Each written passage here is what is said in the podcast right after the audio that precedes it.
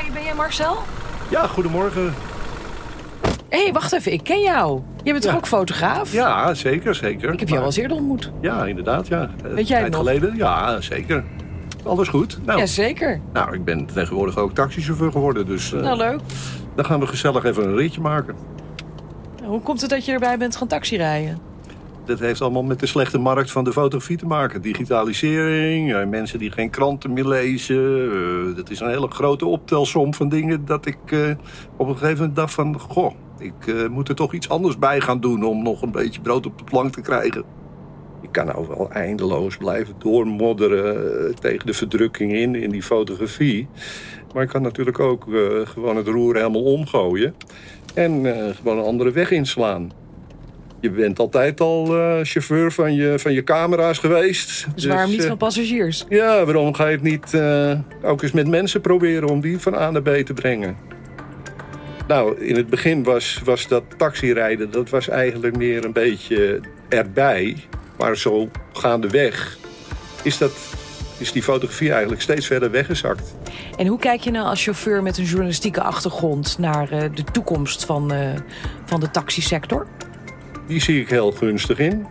Heel veel jonge mensen die in het, in het centrum wonen. Dat is een bepaald soort type mens. Die he- hechten niet aan eh, het bezit van een auto of zo. Ze pikken hun, hun eh, mobiliteit, eh, pikken ze eruit op de manier zoals dat op dat moment het beste uitkomt. Hallo luisteraar, welkom bij De Weg Vooruit, een XTR-branded podcastserie van Uber over de taxisector en bovenal de taxichauffeurs. Ik ben Sascha de Boer, ik neem wel eens een taxi, ik boek wel eens een ritje via de Uber-app en heb in het verleden, toen ik nog journalist was, het nieuws uit de taxiwereld op de voet gevolgd. Zoals de taxioorlog, de opkomst van Uber en het wel en wee van de chauffeurs. De chauffeurs die ik spreek vertellen allemaal hun eigen verhaal. In drie afleveringen praat ik met mensen die erbij waren, deskundigen en natuurlijk met de chauffeur zelf. Vandaag aflevering 3. Hoe ziet de toekomst eruit voor de chauffeurs en de platformeconomie? Om de toekomst van de taxiwereld scherp te krijgen, is het nodig om de huidige situatie goed te begrijpen. Taxichauffeurs zijn moderne ondernemers die met de markt mee moeten groeien. Ze accepteren ritten via apps, maar ook via taxicentrales en rijden vaak voor hun eigen vaste klantenkring. Als zelfstandig taxichauffeur kun je je werktijden zelf bepalen en kun je er dus ook wat naast doen, zoals Marcel Antonissen, mijn chauffeur van vandaag, die je net al even hoorde. Hij werkt als fotograaf, net als ik, en hij doet er dingen naast, net als ik. Sinds zes jaar rijdt hij met de Uber-app. Als ondernemer ben je altijd bezig met financieel voor jezelf zorgen en op te komen voor je belangen. En ik ben benieuwd hoe dat gaat in de huidige taxisector. Ja, hoe is het nu eigenlijk? Is het, want we hebben natuurlijk net COVID gehad en zo. Eh, hoe is die, die huidige business nu voor de taxis? Heb, heb je voldoende werk? Ja, meer dan, eh, meer dan genoeg. De, de, de, de markt is echt ongelooflijk goed aangetrokken. Het is alleen te hopen dat het zo blijft. Nu met, eh, met eh, recessie en eh, ingaande economie op de loer. Sinds COVID is het eigenlijk ongelooflijk druk op de taxi. Toeristen komen weer terug. Mensen maken ook een inhaalslag met vakanties. Eh, zijn een paar jaar niet op vakantie geweest. Dus iedereen die, die, die, die, die, die, die ziet zijn kans schoon om eh, misschien toch wat vaker weg te gaan. Richting Schiphol is het gewoon echt heel druk. En ja, het loopt heel goed. Valt niet veel te klagen. Eigenlijk niks. Als ik naar mezelf kijk, pak ik ook makkelijker een taxi dan vroeger. Zie jij dat ook? Ja, zeker, zeker, zeker. Dat is natuurlijk wel eh, wat Uber natuurlijk heeft bereikt. Die hebben echt eh, die taximarkt natuurlijk ontzettend veranderd. En in, in, in, ook in positieve zin, volgens mij. Want het is veel draag, eh, laagdrempeliger geworden. Heel makkelijk met je telefoon. Eh, er is altijd, eh, behalve de passagier en, eh, en de chauffeur... is er altijd nog een derde partij die precies weet waar jij bent via die app. Dus dat zorgt voor veel meer veiligheid. En voor eh, minder excessen. Want iedereen houdt zich toch wel een beetje beter aan de regels. Het is gewoon een eh, lekker vrij beroep. Je bent gewoon eh, verantwoordelijk voor je eigen eh, zaken.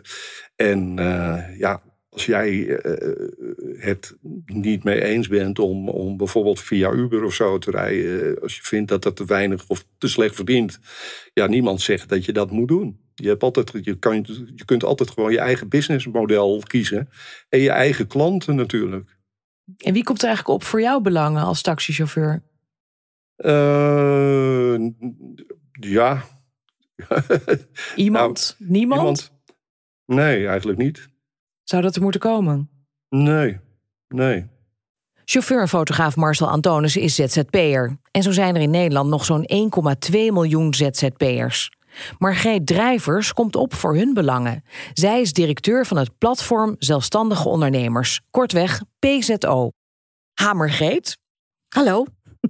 Uh, ik las dat bedrijven zoals Uber vinden dat er meer bescherming moet komen voor alle 1,2 miljoen zelfstandigen in Nederland. Hoe zie jij dat? Nou, je ziet wel dat er een hele grote uh, diversiteit bestaat onder die ZZP'ers. Sommigen zijn echt uh, heel ondernemend en ondernemers, en anderen zijn dat een stuk minder. Um, je ziet ook wel ontwikkelingen dat bij werkgevers uit kostenoverwegingen um, ZZP'ers worden ingehuurd, omdat werkgeverslasten heel, heel hoog zijn. Uh, en aan de andere kant zijn er ook heel veel ZZP'ers die zeggen van joh, weet je, ik word lekker ingehuurd, want dan heb ik veel meer geld op mijn bankrekening dan dat ik het uh, salaris krijg. Dus er zijn heel veel verschillende motieven waarom mensen uh, overwegen om dat te doen.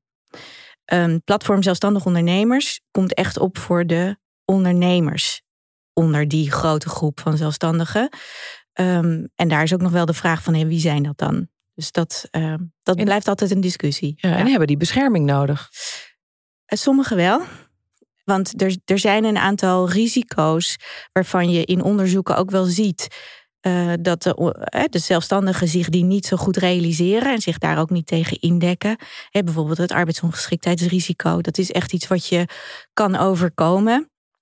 En wat gewoon heel veel geld kost als het je gebeurt. En niet alleen voor jezelf, maar ook voor het gezin waar je, waar je onderdeel van bent. Um, dergelijke risico's um, zijn ook niet voor iedereen goed te verzekeren. er zijn mensen met zware beroepen waar dat echt heel erg veel geld kost.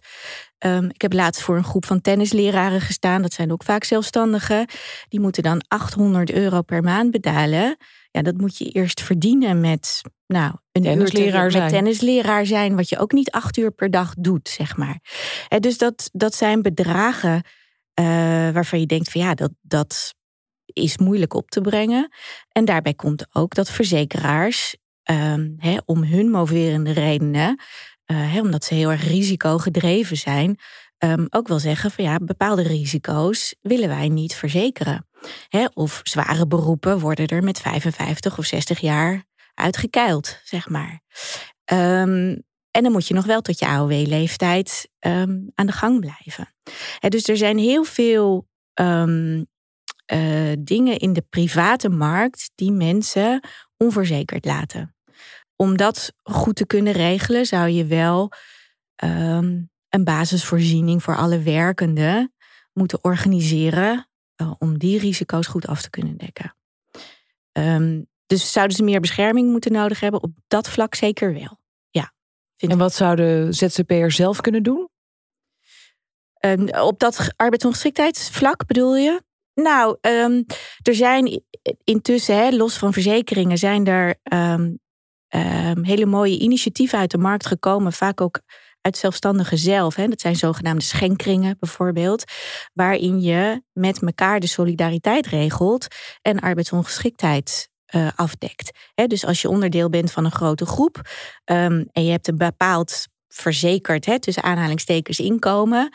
Um, dan ga je met die groep kleine stukjes aan elkaar schenken, zodat degene die ziek is een inkomen per maand heeft, in ieder geval. Is toch een soort collectiviteit? Dus toch een soort collectiviteit, ja. En er wordt, er wordt heel vaak gezegd van ja, zelfstandigen willen niet bijdragen of ze dragen niet bij. Nou, daar geloof ik niet in. Dat is, dat is um, Um, dat willen ze best. Um, maar dan moeten ze er ook wel iets voor terugkrijgen waarvan je denkt van nou, daar, daar hebben we dan ook wat aan. En als we het nou specifiek hebben over de platformeconomie, waar het nu vooral over gaat, en natuurlijk waar die taxiondernemers allemaal uh, via werken, uh, welke uitdagingen brengt, brengt dat met zich mee als het gaat over nou, ZZP'ers? Ja. de situatie. Nou, ik merk ook wel hè, dat, net zoals ZZP'ers over één kan worden geschoren, is dat vaak met platforms ook zo. En we hebben een diversiteit aan platforms waar, waar je u tegen zegt. Um, hè, dus um, het is heel erg de vraag van hè, hoe worden ze ingezet? Dat is natuurlijk wel de ontwikkeling die je ziet. Welke um, onderhandelingsinvloed hebben ze op hun tijd, op hun werk, op hun kwaliteit? Of wordt dat echt vanuit die platforms georganiseerd en hebben ze er eigenlijk niet zoveel over te zeggen? En dus de, uh, je ziet heel erg een ontwikkeling van uh, als het platform bepaalt en betaalt, dan is de neiging dat die mensen steeds meer als werknemers worden gezien. Terwijl ze dat misschien helemaal niet zijn. Nou dat is een beetje de vraag. Want op grond van wet en regelgeving um, kun je zeggen dat ze dat wel zijn. er zijn uitspraken waarin ze zeggen van god, de zelfstandige hè, die via dat platform wordt ingehuurd, heeft geen invloed op de tijd. Um, ze moeten binnen bepaalde tijden uh, hun werk doen. Ze hebben geen invloed op de prijs. Dat wordt door het platform bepaald. Dit is het tarief wat je krijgt voor de dienst die je verricht. De, de kwaliteit, of moeten ze bepaalde kleding aan? Ja, dan, dan is de invloed van die zelfstandige op het werk wat hij doet minimaal. En dan zie je een ontwikkeling Um, niet alleen in Nederland, maar ook in Europa, dat ze zeggen van, nou ja, als het lijkt op een werknemer en het doet als een werknemer, ja, dan is het een werknemer. Taxichauffeur Marcel kijkt positief naar de toekomst. Ondanks dat de taxisector volop beweegt, is er genoeg werk via Uber. En hij ziet de markt alleen maar groeien. Toch doet hij er ook andere klussen naast. Wat drijft hem en waarom maakt hij deze keuzes? In het begin was, was dat taxirijden, dat was eigenlijk meer een beetje erbij. Maar zo gaandeweg is, dat, is die fotografie eigenlijk steeds verder weggezakt. Hoe ziet jouw gemiddelde week er eigenlijk uit? Nou, in principe werk ik gewoon van maandag tot vrijdag. Maar ik begin altijd heel vroeg. Uh, meestal rond een uur of vijf, zes uur s morgens. Uh, dan begin ik eigenlijk met uh, vroege ritten richting Schiphol te doen. En dat doe ik voor een andere maatschappij dan Uber. Dat is een taximaatschappij in mijn woonplaats. En die hebben mij een tijdje geleden benaderd omdat ze wisten dat ik dat werk deed of ik die vroege ritten voor mijn rekening wilde nemen. Dus ik sta elke ochtend eigenlijk heel vroeg op. Meestal om een uur of half vijf, soms kwart over vier. Dat vul ik dan op zo tot s morgens een uur of negen, half tien. En dan komen er andere chauffeurs, die komen dan ook weer op de weg. En uh, ja, die hebben dus blijkbaar toch wat moeite met dat hele vroege werk.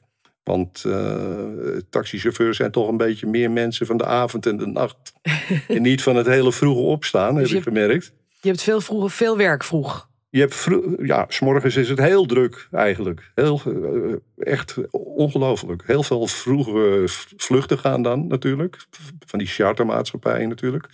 En uh, ja, dat komt heel vroeg al eigenlijk op gang. En dan zo gaandeweg wordt het bij die andere maatschappij wat rustiger. En dan eh, ga ik eh, verder rijden op het Uber-platform of op Bolt. Doe ik ook.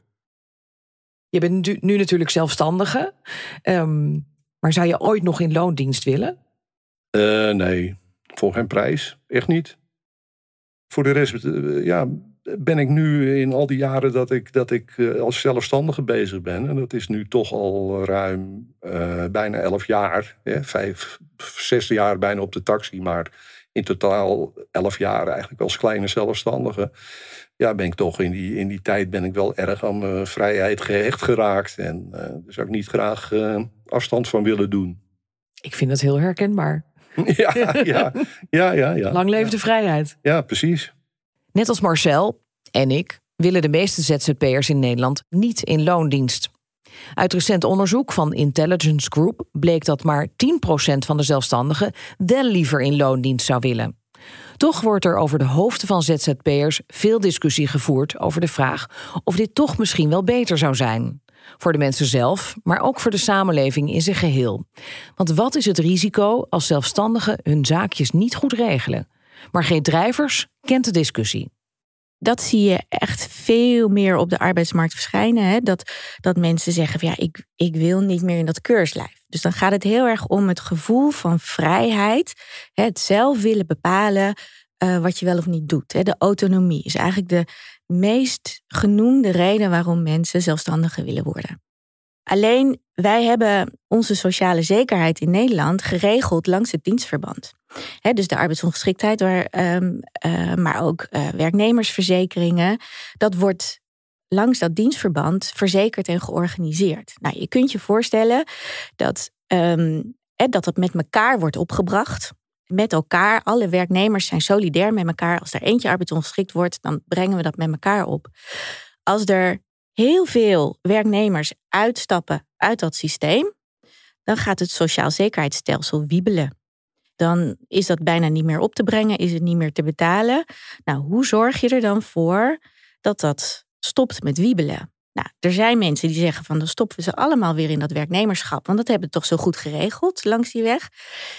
En wij zeggen nee, hè, mensen moeten echt ook wel vrije keuzes maken. En, en ehm, dat recht op ondernemerschap ook wel kunnen uitoefenen. Maar dan moeten ze het feitelijk ook echt wel kunnen uitoefenen. En dus ik vind ook dat de minister veel meer moet kijken naar een afweging van oké, we hebben rechten te beschermen van werknemers. Dus dat snap ik heel goed en dat moet ook. Ik bedoel, uh, laten we daar duidelijk over zijn. Um, maar we hebben ook uh, mensen die zich uh, echt als ondernemer op de markt uh, begeven, dat heel bewust doen, zich daar ook in, die hebben een vak of een beroep, zoals jij dat hebt. Um, en die zijn ook nodig voor bedrijven. Ja, waarom doen wij daar dan zo heel erg moeilijk over? Wat betekent dat voor bedrijven in de platformeconomie? Ja, die moeten echt de dingen anders gaan doen. Maar ook, hè, daar zitten natuurlijk ook wel weer hele verschillende platforms achter en de manier waarop ze werken en ook de mensen inzetten. Maar als zij zeggen van uh, uh, hè, wij willen de inzet van echt zelfstandige ondernemers die voor eigen rekening en risico uh, zich op de arbeidsmarkt begeven, ja, laat ze dat dan ook doen. En um, ga niet vanuit het platform precies bepalen hoe dat er dan uit moet zien. Want daar stinkt de overheid niet in, om het zo maar te zeggen. Het is duidelijk dat de veranderende arbeidsmarkt vraagt om een andere kijk en aanpak. Vanuit zowel de overheid, bedrijven en zelfstandigen. Maar hoe dan? En wat willen de mensen die er dagelijks mee te maken hebben, zoals mijn chauffeur Marcel Antonissen? Ik vind, ik vind dat het eigenlijk al vrij behoorlijk is geregeld. Het zijn gewoon allemaal goede wettelijke uh, dingen die, waar iedereen zich aan moet houden. En als iedereen zich daar gewoon aan houdt, nou, dan, dan, dan, werkt die branche gewoon uitstekend. Prima. Voor mij hoeft er niet zoveel geregeld te worden. En hoe vind je dat de communicatie gaat met Uber? Ja, dat zou af en toe wel beter kunnen. En hoe zou je het liever hebben? Nou, er is wel een Green Hub waar je naartoe kan als er echt iets is en zo, weet je wel. Maar uh, ja, op het moment zelf uh, ben je toch meestal wel aan jezelf overgeleverd. Maar dat kan beter misschien? Dat zou uh, beter kunnen. Bijvoorbeeld gewoon een algemeen telefoonnummer waar je mensen misschien op kunt bereiken in geval van nood of zo, weet je wel. Nu, nu zit er, ja, nu, nu kun je chatten of wat dan ook, maar dat is toch even anders dan dat je gewoon eventjes iemand meteen rechtstreeks aan de telefoon krijgt of zo. En vind je dat de overheid ook iets kan doen? Doen zal, doen zal. Want ze, ze, ze, ze bepalen dus de tarieven, de maximale tarieven in de taxiwereld, die worden al bepaald door de overheid. Het is een vrij hoog tarief. Maar als je denkt van, uh, uh, zit de overheid er misschien dan te veel tussen af en toe? Zou die anders moeten werken? Nee, vind ik niet. Want, want ze zitten er al behoorlijk tussen.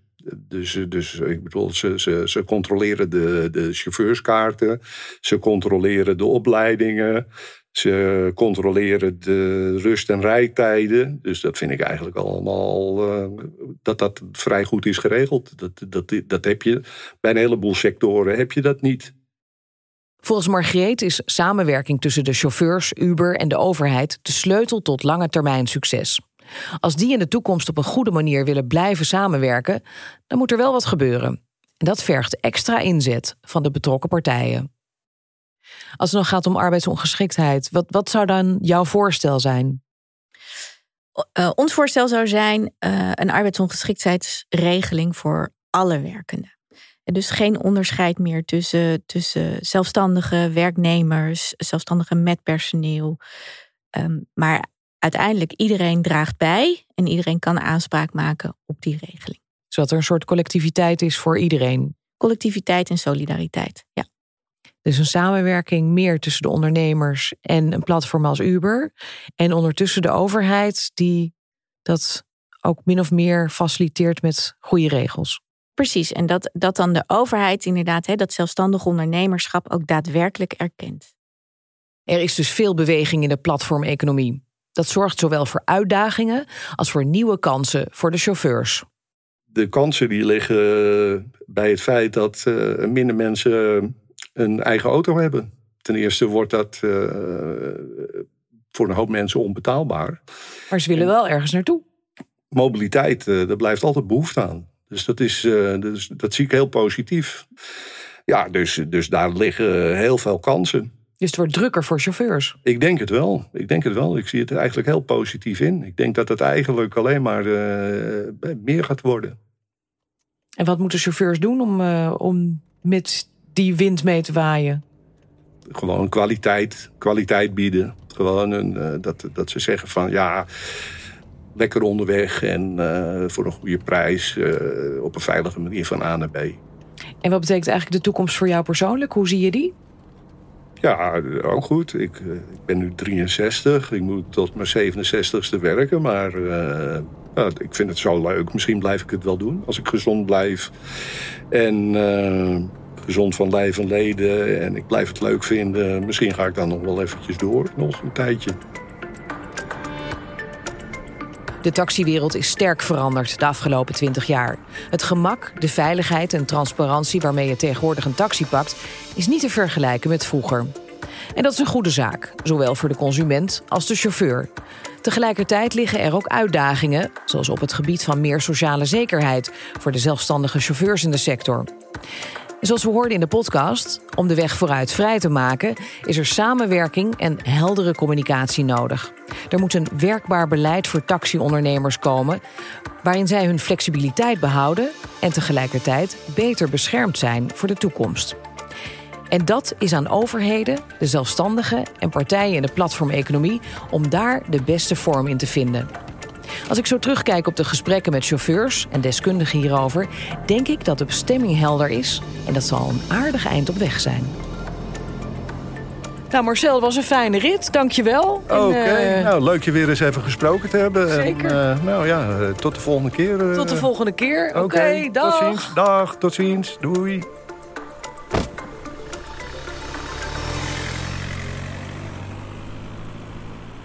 Dank voor het luisteren naar De Weg Vooruit, een XTR branded content podcast in samenwerking met Uber.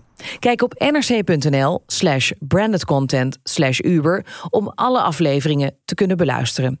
Je vindt deze ook in de NRC Audio app en alle andere podcast apps. Een fijne rit!